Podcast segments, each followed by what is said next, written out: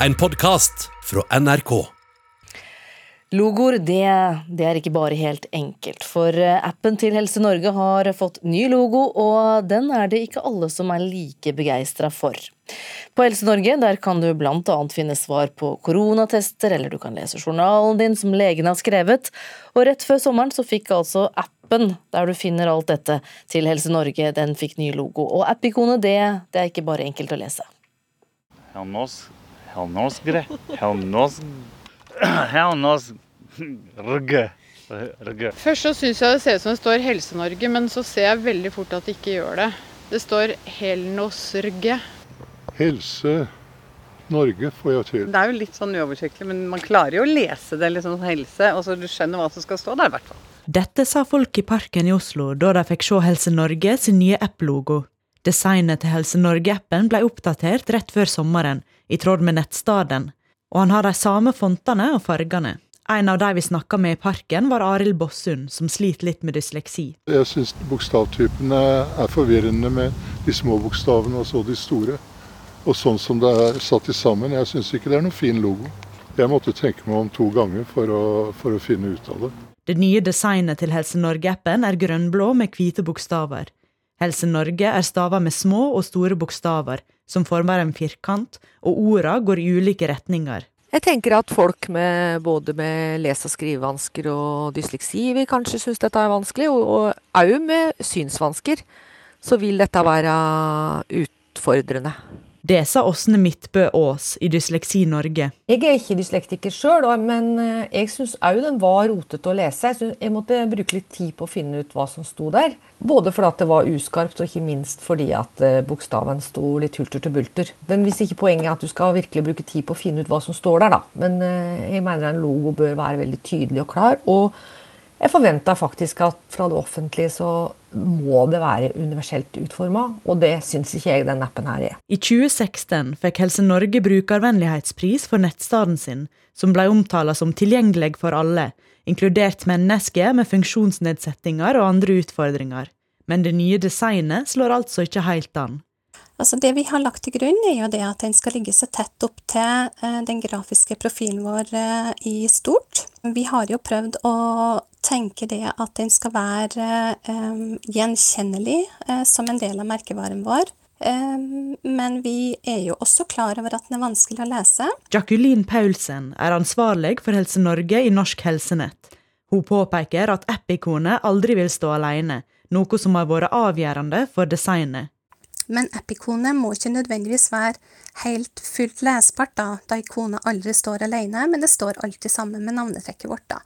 Og det er jo en absolutt forutsetning for det valget vi har gjort. Helse Norge skal ha et klart og tydelig språk som er tilgjengelig for alle, forklarer Paulsen. Hun sier at de skal ta kontakt med Dysleksi Norge for innspill etter ferien. Det er første gangen vi får tilbakemelding på det her, så da tenker jeg at det må vi ta alvorlig, og så må vi da eh, vurdere om den skal endres eventuelt, da.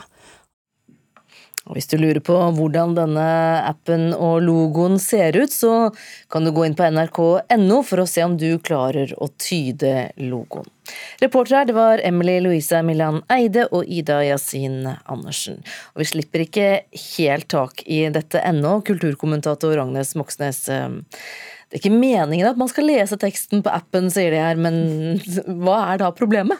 Problemet er jo at det er veldig krevende å lese teksten på denne appen. Og de fleste appene vi har på telefonen vår, de består enten av én eller to bokstaver eller et ganske enkelt symbol.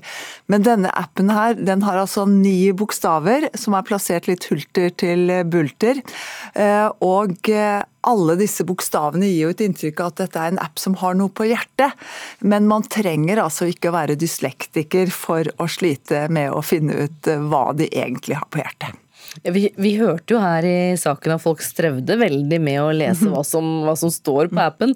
Eh, hvordan, hvordan, ser den ut? Kan du enkelt beskrive den? Ja, altså Bunnfarge denne, denne appen er eh, det jeg vil kalle en hygieneturkis. Altså en turkisfarge som vi finner igjen på sykehus og legekontorer osv. Og på denne, eh, på denne, turkisfargen så dannes det en firkant av tre ganger tre bokstaver. Og med litt tidsrev, så klarer man jo å finne ut at der står det Helse Norge. Det er en, som vi hørte her, en ny app, kom nå i slutten av juni. Og jeg tror jo egentlig at den er blitt en venn for mange som med noe angst og beven har beveget seg over grenser denne sommeren, for det er jo her inne man liksom finner da dette koronasertifikatet vårt. Eh, så den har vært veldig god å ha, og så tror jeg også at eh, for publikum så oppleves dette som et veldig positivt møte med den elektroniske helsetjenesten, altså den såkalte e-helse. Helse, da. Men for å ta, ta logoen og, og, den slags En app kan jo sammenlignes med en logo for et selskap. Mm. Uh, og det er klart informasjonen som ligger inne, den er, den er greit, den er tydelig. Men hva er det som kjennetegner en god logo? Den skal være enkel, altså som eple i Apple, eller M-en i McDonald eller F-en i Facebook. Lett å huske er en fordel. Den skal helst skille seg litt ut. Eh, og det gjør jo ingenting om det er en sammenheng mellom det vi ser og, og det vi får. Og her vil jeg egentlig si at denne appen scorer ganske bra. Og hvis man nå i tillegg, hvis det nå i tillegg da blir litt app litt diskusjon om utseendet til denne appen her, så er egentlig det en bra ting. Fordi at det øker jo kunnskapen om at vi faktisk nå har fått en, en helseapp da fra Helse Norge. Når det kommer til det med logoer, så ser vi at stadig flere prøver å profilere, profilere seg, det var vanskelig å si i dag, eh, med logoer som, er, som har veldig få bokstaver. Mm. F.eks. NAM. Det er altså det nye navnet på Nasjonalmuseet. Ja, det? Det er jo for så vidt ikke det nye navnet på Nasjonalmuseet, men jeg ser de bruker det mer og mer. Men, men her snakker du egentlig om to forskjellige ting, fordi apper og logoer er jo laget for å hurtigkommunisere. Altså på reklame, sosiale medier og på apper, da. Men vi kaller jo ikke Facebook for F. Eh, og vi kaller heller ikke Hennes og Maurits for H og M. Men det som skjer med en del museer akkurat nå, det er at flere og flere av dem dropper begrepet museer. Og selger seg inn med liksom litt sånn meningsløse navn og forkortelser som NAM eller Kode eller MIST og MIA osv. Folk kan slå opp hva det betyr. Men det tolker iallfall jeg som om de definerer eh, ordet museum som en litt kjedelig belastning, rett og slett. Men folk flest da skjønner de dette, disse forkortelsene? Så langt så tror jeg egentlig at det er de som har laget eh, logoen på NAM, da, Nasjonalmuseet, som skjønner det eh, mest. Men det kommer litt an på årene som altså Vi kommer til å se det i løpet av årene som kommer, hvor hyppig og kraftig eh, museet selv, altså Nasjonalmuseet, kommuniserer utad med hjelp av NAM eller ved hjelp av Nasjonalmuseet. Så tiden vil vise. Og når det kommer til eh, Helse Norge, så får vi se da om de gjør noe med utseendet på appen eller ikke, som de sa. Takk skal du ha, kulturkommentator Agnes eh, Moxnes.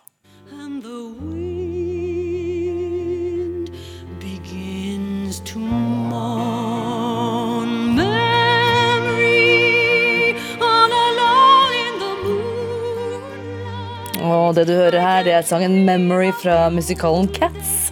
Den er komponert av Andrew Lloyd Webber, og i disse dager da skulle hans nye musikal 'Askepott' gå i London. Kulturreporter Aida Korami, hva kan du fortelle om det? Lloyd Webber annonserte på mandag at eh, forestillingen blir kansellert bare timer før de skulle ta imot publikum. Det var en skuespiller som hadde en liten rolle, som testet positivt for eh, korona. Og selv om eh, alle som var en del av produksjonen testet negative svar, fikk ikke musikalen gå som planlagt. Hvorfor ikke det? Lloyd Webber skriver selv på Twitter at eh, det er pga. de strenge reglene fra myndighetene. Han mener at myndighetene i England har eh, lagt til rette for umulige forhold for teatret, og sier at de har blitt tvunget til denne avgjørelsen, som nå vil påvirke levebrødet til flere hundre mennesker. Han skriver at eh, frihetsdagen ble til nedleggelsesdagen. Ja, for eh, Freedom Day, eller Frihetsdagen, den ble feiret i England i går. Og nesten alle koronatiltakene er altså borte i landet, men, eh, men det har ikke hjulpet teatrene? Nei, eh, reglene om isolering gjelder fortsatt for de som tester positivt og de som har vært rundt disse menneskene. Og Det har vært en økende frustrasjon blant teatre i landet. De mener at dagens driftsforhold er uholdbare. Eh, hvis en i produksjonen tester positivt på korona, så kan det føre til at eh, forestillingen må stenge ned i flere uker uten noen form for forsikring, sånn som i dette tilfellet. Og det er ikke første gang komponisten har kritisert myndighetene for håndteringen av korona. Tidligere i juni sa Lloyd Webber at han var villig til å åpne teatrene og risikere å bli arrestert for dette. Men ikke denne gangen, altså? Ikke denne gangen. Takk skal du ha, Aida Korami. Møller-samlingen. Norges største private fotosamling. Den vises i sommer på Henny Onsdag kunstsenter. Og her får den omfattende presentasjonen eh, Det er altså et ledd i en fornyet satsing på fotografi. Og museet var tidlig ute med å anerkjenne fotografi som kunstnerisk eh, medium. Allerede på 70-tallet så ble det gjennomført eh, fotoutstillinger. Mona Palle Bjerke, kunstkritiker her i NRK. Er det en slags fotohistorie som blir presentert på Henny Onsdag kunstsenter i sommer gjennom denne private Møller-samlingen? I hvert fall så utfolder utstillingen et bredt fotohistorisk spenn. Helt fra de tidlige pionerene innenfor dette mediet på 1800-tallet og helt frem til uh, samtiden. Altså Her kan vi oppleve fotofuturisten Edvard Muybridge og hans undersøkelse med levende bilder som ble et forstadie til filmen. Vi kan se Brassais fantastiske portretter av Picasso, uh, Lee Millers Eh, solariserte bildeuttrykk. Og også får vi glimt inn i den visuelle dagboken til den levende legenden Nan Goldin. Så det er ingen tvil om at Møller-samlingen byr på en kjempebredde og er veldig imponerende. Og favoritter, da? Har du noen å trekke fram? Ja, Det er jo ikke lett, for det er veldig mye her. Eh, men jeg syns det var spennende å se litt av eh, det episke prosjektet til fotopioneren Edvard Curtis eh, fra 1890-tallet, der han ville dokumentere livet til de nordamerikanske urfolkene før de gradvis ble fordrevet fra sine territorier. En annen størrelse som må nevnes, er en av samlingen og fotohistoriens aller største stjerner, nemlig Diane Arbus, den kontroversielle 60-tallsfotografen, som var opptatt av det hun selv beskrev som feilene. Altså disse små, egenartede trekkene som definerer vår identitet, og som skiller oss fra alle andre. Hun var opptatt av denne spenningen mellom det ved oss selv som vi gjerne vil vise, og det vi ikke makter å skjule. Vil du si at eh, denne utstillingen har et rent internasjonalt fokus, eller er det også norske fotografier? Ja, det er norske fotografer spredt og strødd innimellom alle de fotohistoriske ikonene. Eh, F.eks. har vi Tom Sandberg, som gjennom hele livet jobbet med å perfeksjonere sitt svart-hvitt-fotografiske analoge uttrykk. Han var opptatt av disse underlige eh, øyeblikkene der f.eks. en pose blir fylt med luft sånn, som man fryser fast i tiden. Eller så er det jo Dag Alveng, Vibeke Tamberg og Mikkel Makka-Linden, for å nevne noen av de store norske navnene. da. Men hva med fotohistorien eh, som blir fortalt? Hvordan, hvordan er den store fotohistorien fortalt i, i, utstillingen? Ja, jeg opplever utstillingen som ganske kaotisk. Eh, bilder er hengt tett i tett. De små lappene som angir titler og hvilken fotograf det er, de henger liksom i klynger ved siden av, så du må på en måte lete og prøve å finne ut hva som er hva. Eh, I tillegg så er det da de har unngått kronologi, og det er jo en sånn sykdom i tiden at man er så redd for det kronologiske, tror at det er avleggs og traust. Og det er klart at hvis man har en helt briljant idé tematisk, så kan jo det være mye mer spennende enn en kronologi. Men hvis du ikke har den ideen, som man ikke har i dette tilfellet, så syns jeg det er mye bedre å ha kronologi. Så har du i hvert fall en rød tråd, en fortelling, en måte du kan på en måte bygge en dramaturgi ut fra, opp mot de store høydepunktene. De har en organisering her med noen veldig generelle temaer som natur, portrett, dokumentar, arkitektur. Men dette er jo ikke noe mer spenstig enn kronologi. Og med en kronologi så ville du kunne hjelpe betrakteren til å se sammenhengen i fotohistorien som de her eh, formidler, og dessuten vise at her er det et høydepunkt. Her er det et høydepunkt. Nå er det litt sånn at stjerner som f.eks. Dian Arbus drukner i store og mellomstore uh, fotografer. Så jeg som lærer og formidler, så må jeg si at jeg klør i fingrene etter å organisere dette stoffet på en annen måte. Men det er klart som fotonerd så er jeg uansett begeistret over å få lov å vandre rundt blant alle de, denne åpne fotokatalogen som dette er, da. Konklusjonen, da? Ja, det er jo at jeg er ikke imponert over det kuratorielle her. Eh, men uansett så er det så mye fantastisk fotohistorie i denne utstillingen som man som betrakter på en måte må organisere selv. Men det er likevel virkelig verdt uh, turen. Mona Palle Bjerke, kunstkritiker her i NRK, takk skal du ha. Og hvis du har lyst til å lese flere anmeldelser, da går du inn på nrk.no og finner siden for anmeldelser.